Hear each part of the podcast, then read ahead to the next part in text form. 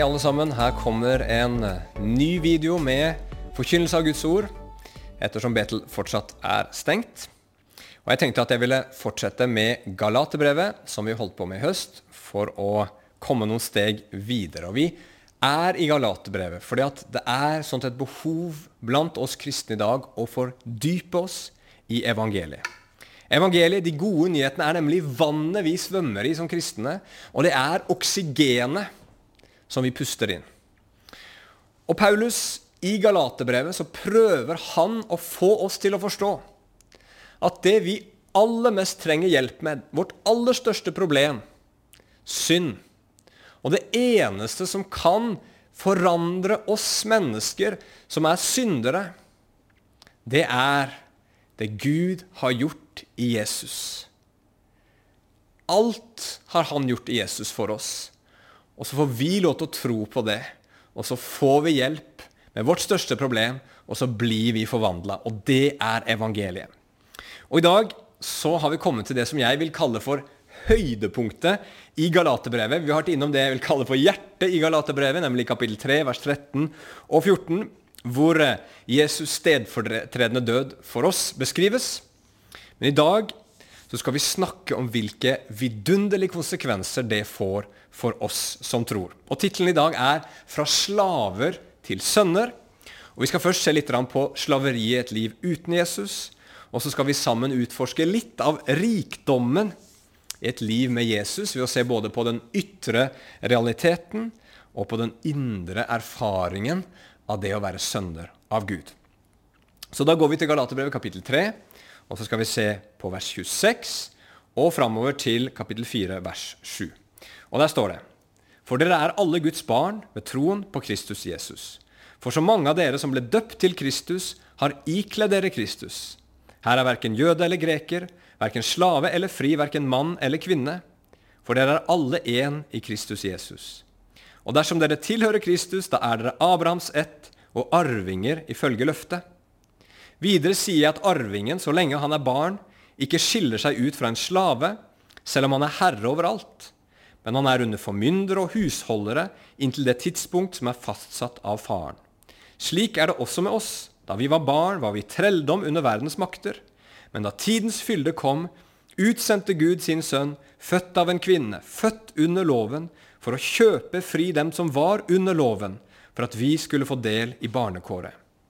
Og fordi dere er sønner, har Gud sendt sin sønns ånd inn i våre hjerter, som roper 'Abba, far'. Derfor er du ikke lenger slave, men sønn. Og hvis du er sønn, da er du Guds arving ved Kristus. La oss be sammen. Kjære himmelske Far, må du åpne Skriftene for enhver som hører dette akkurat nå. Må du hjelpe meg til å formidle det, og må det bli liv og kraft og forandring, Herre, gjennom disse ordene i våre liv. Amen. Ok, La oss begynne med å snakke om slaveriet i et liv uten Jesus. Det som vi nettopp leste, handler jo i veldig stor grad om rikdommen i et liv med Jesus. Men det er også et lite bilde her av et liv uten Jesus til å begynne med. Og Det er bildet av en arving som antageligvis har en stor formue, men som blir behandla som en slave. Og Hvorfor det? Jo, fordi han er ennå ikke gammel nok verken til å styre sitt eget liv eller til å styre den formuen som han formelt sett eier. Det er andre som bestemmer over livet hans og eiendelene hans inntil han blir myndig. Han er ikke fri. Og Dette her, sier Paulus, er et bilde på våre liv. Om det er jøder det er snakk om, som lever under loven, eller om det er mennesker generelt som lever uten Gud. Vi er slaver. Vi ble skapt for noe større. Vi ble skapt for storhet, men vi er ikke der vi er ment å skulle være. Og derfor så er vi slaver. Og Paulus han kaller dette her å være slaver under grunnkreftene i verden, står det i en oversettelse, eller under verdens makter. Hva i all verden er det? Men Det er et uttrykk som Paulus bruker om forskjellige ting. Han bruker det om loven som prinsipp noen ganger, altså det å forsøke å vinne sin egen frelse gjennom gjerninger.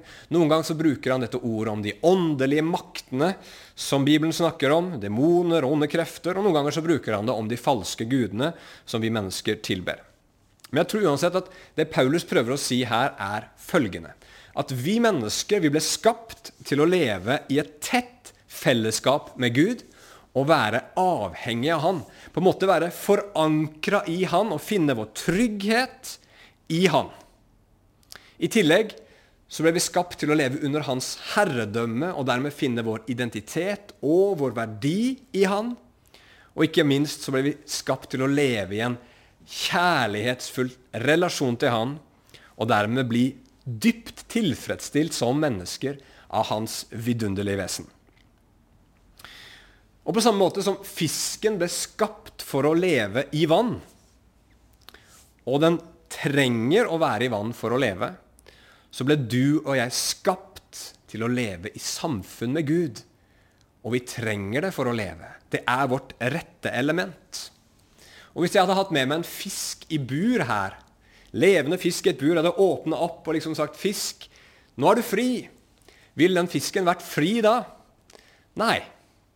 Fisken ville ikke vært fri, selv om den ikke lenger var innestengt i et bur. For en fisk er bare fri når den er der den ble skapt til å være, når den er i sitt rette element. En fisk på land er ikke fri om den er i bur eller ei. Og På samme måte så er heller ikke vi mennesker frie når vi ikke lever i vårt rette element, dvs. Si i samfunn med Gud, i Guds nærhet. Så Derfor så er alle mennesker slaver. Vi er ikke frie når vi har kommet bort fra Gud. Uansett hvor mange valg du har i livet ditt, så er det en slave. Hvorfor det? Jo, for at selv uten Gud så forsvinner ikke disse dype behovene i livene våre. Vi trenger fortsatt trygghet og kontroll. Vi trenger fortsatt at noen forteller oss hvem vi er, og at vi har verdi, stor verdi, og er viktige. Og vi trenger fortsatt Vi kjenner fortsatt dette suget etter slående skjønnhet og lykke som vi håper kan tilfredsstille hjertene våre. Men hvis ikke Gud fins i livene våre, så er alt det vi har, denne verden her. Og vi må finne i denne verden det som skal kunne fylle disse dype behovene våre. Vi må søke dem, som Paulus sier her, i grunnkreftene i denne verden. I noe her nede. Og da sier Paulus at vi blir slaver. På hvilken måte? Jo, det blir litt, tenker jeg, som å være i en elv, en stri strøm, med, med, med skarpe klipper på hver side og ingen bredde man kan karre seg i land på. Og så blir man drevet nedover strømmen og kjemper for å ikke drukne ved å klamre seg fast i et eller annet. Driv ved tømmerstokker, et eller annet som flyter ned sammen med oss. Men disse tingene som er rundt oss, de, de bærer oss knapt. Alt de kan gjøre, er å holde oss over vann litt lenger. Men de kan ikke gjøre noen ting for, for å redde oss fra det fossefallet som uunngåelig kommer før eller senere. Og sånn er det uten Gud også. Du og jeg. Vi lever ikke der hvor vi ble skapt til å leve, og derfor må vi klamre oss fast til et eller annet som kan tilfredsstille våre behov. Om det er f.eks. For, for trygghet og kontroll. Der er det noen mennesker som søker inn i penger. Andre søker inn i okkultisme, kanskje spådom, hvor man får en eller annen eh, informasjon om framtiden, slik at man kan forsøke å kontrollere den. Men uansett om det er penger eller spådom du søker kontroll og trygghet i, så vil du aldri bli helt sikker. Du får aldri nok penger til å bli helt trygg. Og du trenger alltid en spådom til. Men så er det jo sånn at du må ha noe å klamre deg til. Du trenger et eller annet som kan gi deg en følelse av trygghet. Og hva da når dette jaget etter penger, f.eks., eller denne sparsommeligheten begynner å ødelegge vennskap og familierelasjoner? Hvis det er det du har bygd livet ditt på, så klarer du ikke å stoppe. For hva annet har du som kan gjøre deg trygg? Og da er du en slave. Du kan verken leve med disse tingene, for de gir ikke det du trenger, men du kan heller ikke leve uten dem, for da har du ingenting. Og sånn er det med disse grunnkreftene i verden. Noe må gi oss en følelse av verdi, f.eks. Noen finner sin verdi gjennom å jobbe hardt og gjennom my å jobbe mye. Noen finner sin verdi gjennom at andre mennesker anerkjenner dem og liker dem. Men du vet også med disse tingene at du kan aldri jobbe nok til å være helt sikker på at du også er verdt noe. Og du kan aldri bli likt av alle. Men så må du bare fortsette. Du har ikke noe annet enn det. Hvis du har din verdi i din jobb, men aldri blir tilfreds, så må du allikevel fortsette å jobbe, selv om det går utover helse og familie. Fordi det er alt du har. Eller hvis din, eh, ditt håp ligger i det at andre liker deg, så kan det fort gjøre deg til en hykler som alltid sier det andre vil høre, selv om du innerst inne forakter deg sjøl. Du blir en slave. Og sånn er det med alt. Og selv hvis du lever som en troende på Gud under Guds lov og tenker at hvis jeg bare følger de budene Gud har sagt, så kommer Gud til å velsigne og beskytte meg, så blir du også en slave. For du klarer aldri å leve opp til de idealene som står der. Og mange vanskelige ting kommer til å skje i livet ditt som kommer til å få deg til å tenke at Gud kanskje ikke er med deg. Du vil aldri bli helt trygg når du lever etter loven. Men når du lever etter loven, så er loven alt du har. Det er alt du har å klamre deg til. Du kan ikke leve verken med den eller uten den. Du er en slave. Og alle har vi sånne gapende hull i livene våre, og vi har bare smuler i denne verden å forsøke å fylle det med. Og En dag skal vi stå framfor Gud alle sammen, og vi skal bli dømt rettferdig av den levende Gud for hvordan vi har levd livene våre. Og Hvis vi møter evigheten med et sånt gapende hull i oss, hvis vi møter evigheten uten Gud, da kommer vi med tomhet, og så går vi til tomhet i all evighet. Men det gode som står her, det er at du og jeg vi ble skapt til noe større. Du ble ikke skapt til å være slave, sier Paulus, men du ble skapt til å være en sønn. Og Da kommer vi til punkt nummer to, den ytre realiteten som Jesus gir. I Bibelen så fins det en del fine menn, altså M-E-N, etter at vår håpløse tilstand blir beskrevet. Altså Det står her f.eks. at vi er slaver under disse kreftene, men i tidens fylde sendte Gud sin sønn. Og Det står at han var født av en kvinne. altså Han var et menneske som oss. Han var født under loven, han var under samme vilkår som oss. Livet hans var som vårt liv. Han ble som oss på alle måter. Og hvorfor det? Jo, for å ta vår plass. Adam han søkte frihet i et liv uten Gud, og så gjorde han oss alle sammen til slaver. Jesus han lot seg binde under Guds lov og levde den for oss. Og så lot han seg binde og gikk til korset og tok på seg lovens forbannelse. Jesus lot seg binde på flere måter, og så ga han oss gjennom det frihet. Han tok vår plass. Han gjorde det vi ikke kunne. Han levde det livet vi ikke klarte. Og så tok han den straffen vi ikke kunne bære, men fortjente. Og så ble vi gjennom det satt fri. Fri fra loven, fri fra kravet om å leve et fullkomment liv. Fri, fra, fra den rettferdige straffen som du og jeg fortjener for vårt opprør. Og så blir vi til og med fri fra grunnkreftene i verden. Og Hvorfor det? Hvordan kan vi bli fri fra dette, denne dype hungeren på innsiden som vi alle sammen føler på? Jo, fordi vi blir mer enn frikjente mennesker. Vi blir sønner av Gud. Og i vers 5 her i kapittel 4 så står det nettopp det. Jesus kjøpte oss fri for at vi skulle få barnekåret. På gresk så står det egentlig sønnekåret her. Og i eh, vers 26 i kapittel 3 så står det også at vi ved troen har blitt Guds sønner, ikke Guds barn, som, som det står i en del oversettelser. Jeg vil tro at de har brukt barn, barnekår, her for å bruke et litt mer inkluderende språk. Men det er altså sønn som står på gresk, og jeg tror det er en veldig god grunn til det. For det første så var det sånn at på Paulus sin tid så var det bare sønner som hadde arverett. Så når Gud kaller både menn og kvinner for Guds sønner, så sier han at vi alle sammen er Guds arvinger på lik linje. Og Romerbrevet kapittel 8 vers 17 sier til og med at vi er medarving med Kristus. At vi er arvinger på linje til og med med Jesus. Det er ganske utrolig. Og det er den andre grunnen til at ordet 'sønn' er så enormt viktig her.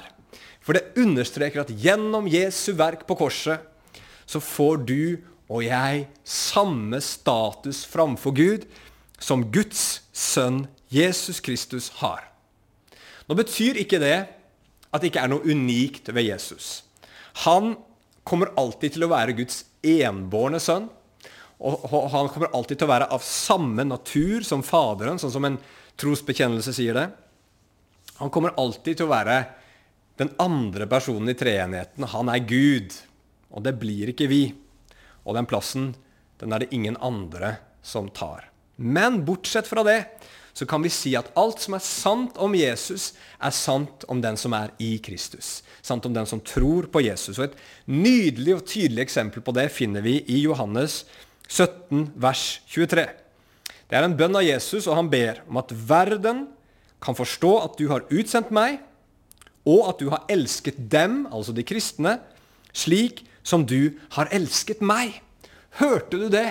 Jesus ba om at verden skulle se at Gud elsker de kristne like mye på samme måte som han elsker Jesus. Og du som er et Guds barn, du som er en sønn av Gud, du er elska av Gud, slik som Gud elsker Jesus.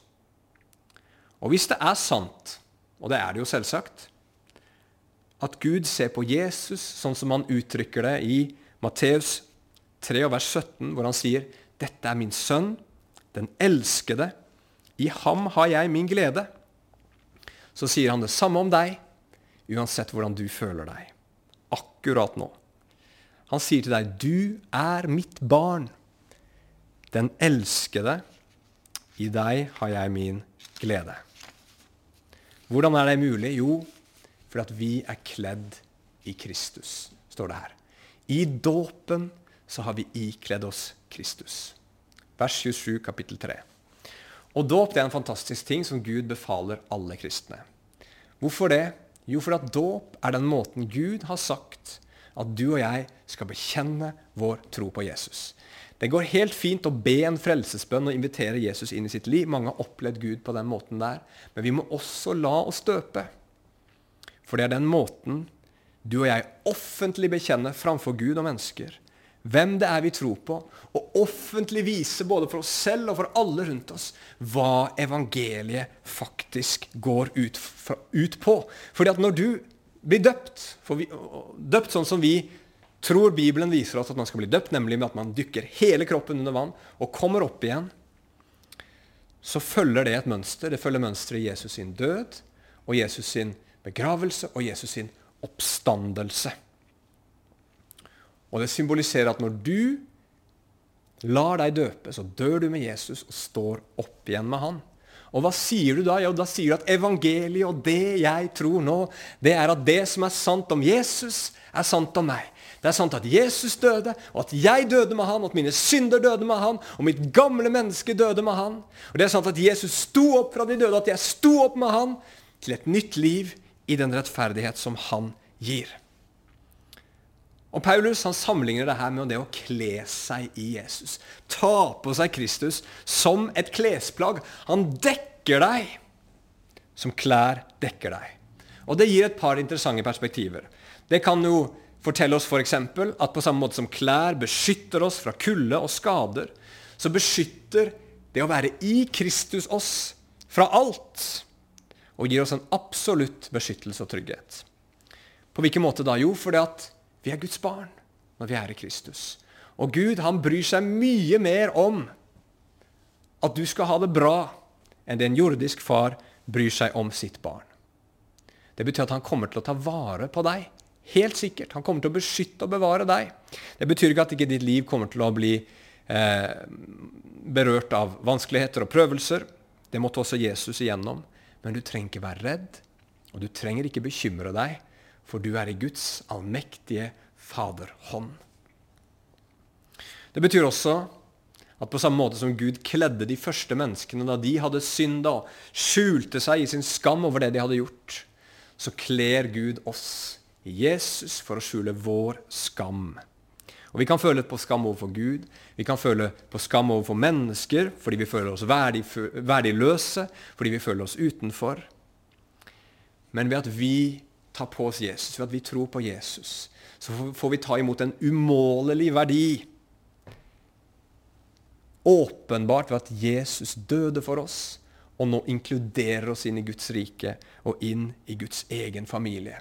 Og Da betyr det ikke så veldig mye om vi er utenfor det gode selskap her nede. Om vi føler oss litt ensomme og, og, og, og, utenfor når vi er inkludert i det gode selskapet der oppe og skal være der til evig tid. Jeg vet ikke, Ser du hvordan dette her frir oss fra disse grunnkreftene i verden? Nå trenger du ikke lenger å søke trygghet i et eller annet her nede. Nå trenger du ikke lenger å søke verdi fra denne verden. Fordi at når du er i Kristus, når du er en sønn av Gud, så får du alt dette. For du har kommet i rett forhold til Gud gjennom Jesus. Han er nå din trygghet. Han er det nå din verdi, og han fyller tomrommet på innsiden av deg. Så er det et par andre ting her som jeg nevner litt i parentes, men som er interessante. Vi er ett i Kristus, f.eks., for eksempel, fordi vi er i, i Han, sønner av Gud. Paulus sier at nå er det ikke lenger jøde eller greker, nå er det ikke lenger slave eller fri, nå er det ikke lenger kvinne eller mann. Dette her handler om at kategorier som etnisk bakgrunn eller sosial status eller kjønn forsvinner på en måte i menighetsfellesskapet. Det betyr ikke at det forsvinner fullt og helt. Det ser vi hos Paulus andre steder. Han snakker både til frie, til slaver, han snakker til kvinner og til menn og har forskjellige ting å si ut fra den situasjonen vi er i. Men disse tingene blir underordna noe som er utrolig mye større. Noe som blir vår første identitet. Det første vi tenker om oss selv, nemlig at vi er sønner av Gud. Og skal vi få enhet i menigheten, så kan vi ikke se på alle de tingene som skiller oss.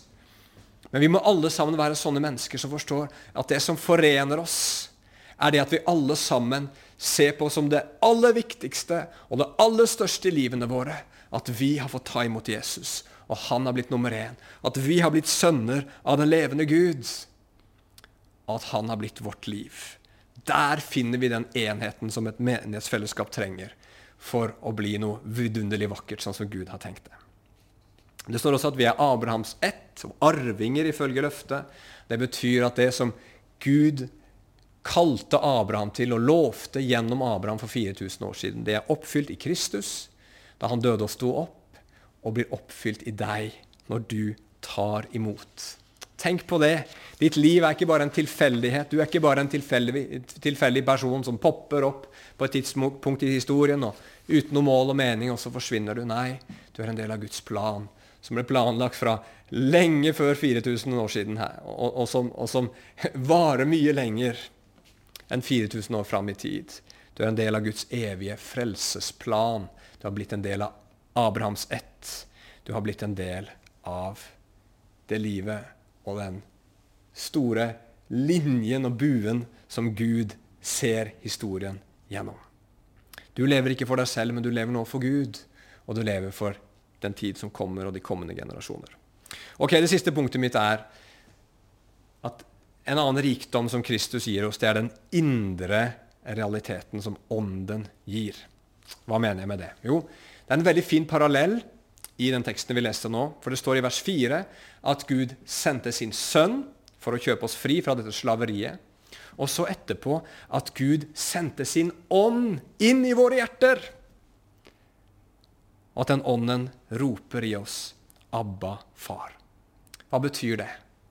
Jo, det betyr at Gud han uttrykker ikke sin kjærlighet til deg og meg bare gjennom at han sendte sønnen sin for å dø for oss, men gjennom at han sendte ånden sin for å bo i oss. Og jeg synes Johannes sier det så nydelig i 1. Johannes brev, kapittel 3, vers 1. Se hvor stor kjærlighet Faderen har vist oss. Vi får kalles Guds barn. Ja, vi er det. Eller se, vi er det, som det står i en annen oversettelse. Jesus han endrer din status. Du blir sønn av Gud i Kristus. Og ånden blir så sendt inn i ditt liv for at det skal bli en levende erfaring for deg. Og at det skal gjøre at det roper ut på innsiden av deg 'Abba, far'. Og hva i all verden betyr 'Abba'? Vel, det er litt rart, faktisk. Det har ikke noe med band å gjøre, for øvrig. Som kanskje noen som er litt gamle, husker. Abba er et ord på arameisk. Det var det språket som de snakka i Israel på denne tiden. Og det var også det språket Jesus brukte. Og det er litt rart at Paulus skriver til galaterne som snakker gresk, og så bruker han et ord, abba, på et språk som ikke de forstår. Hvorfor i all verden gjør han det? Og Da mener noen bibelkommentarer at det er for å signalisere at den relasjonen som du og jeg kan ha til Gud, det er den relasjonen også Jesus hadde. Fordi Jesus, da han snakka til Gud, så kalte han Gud for Abba. Skjønner du hva det betyr?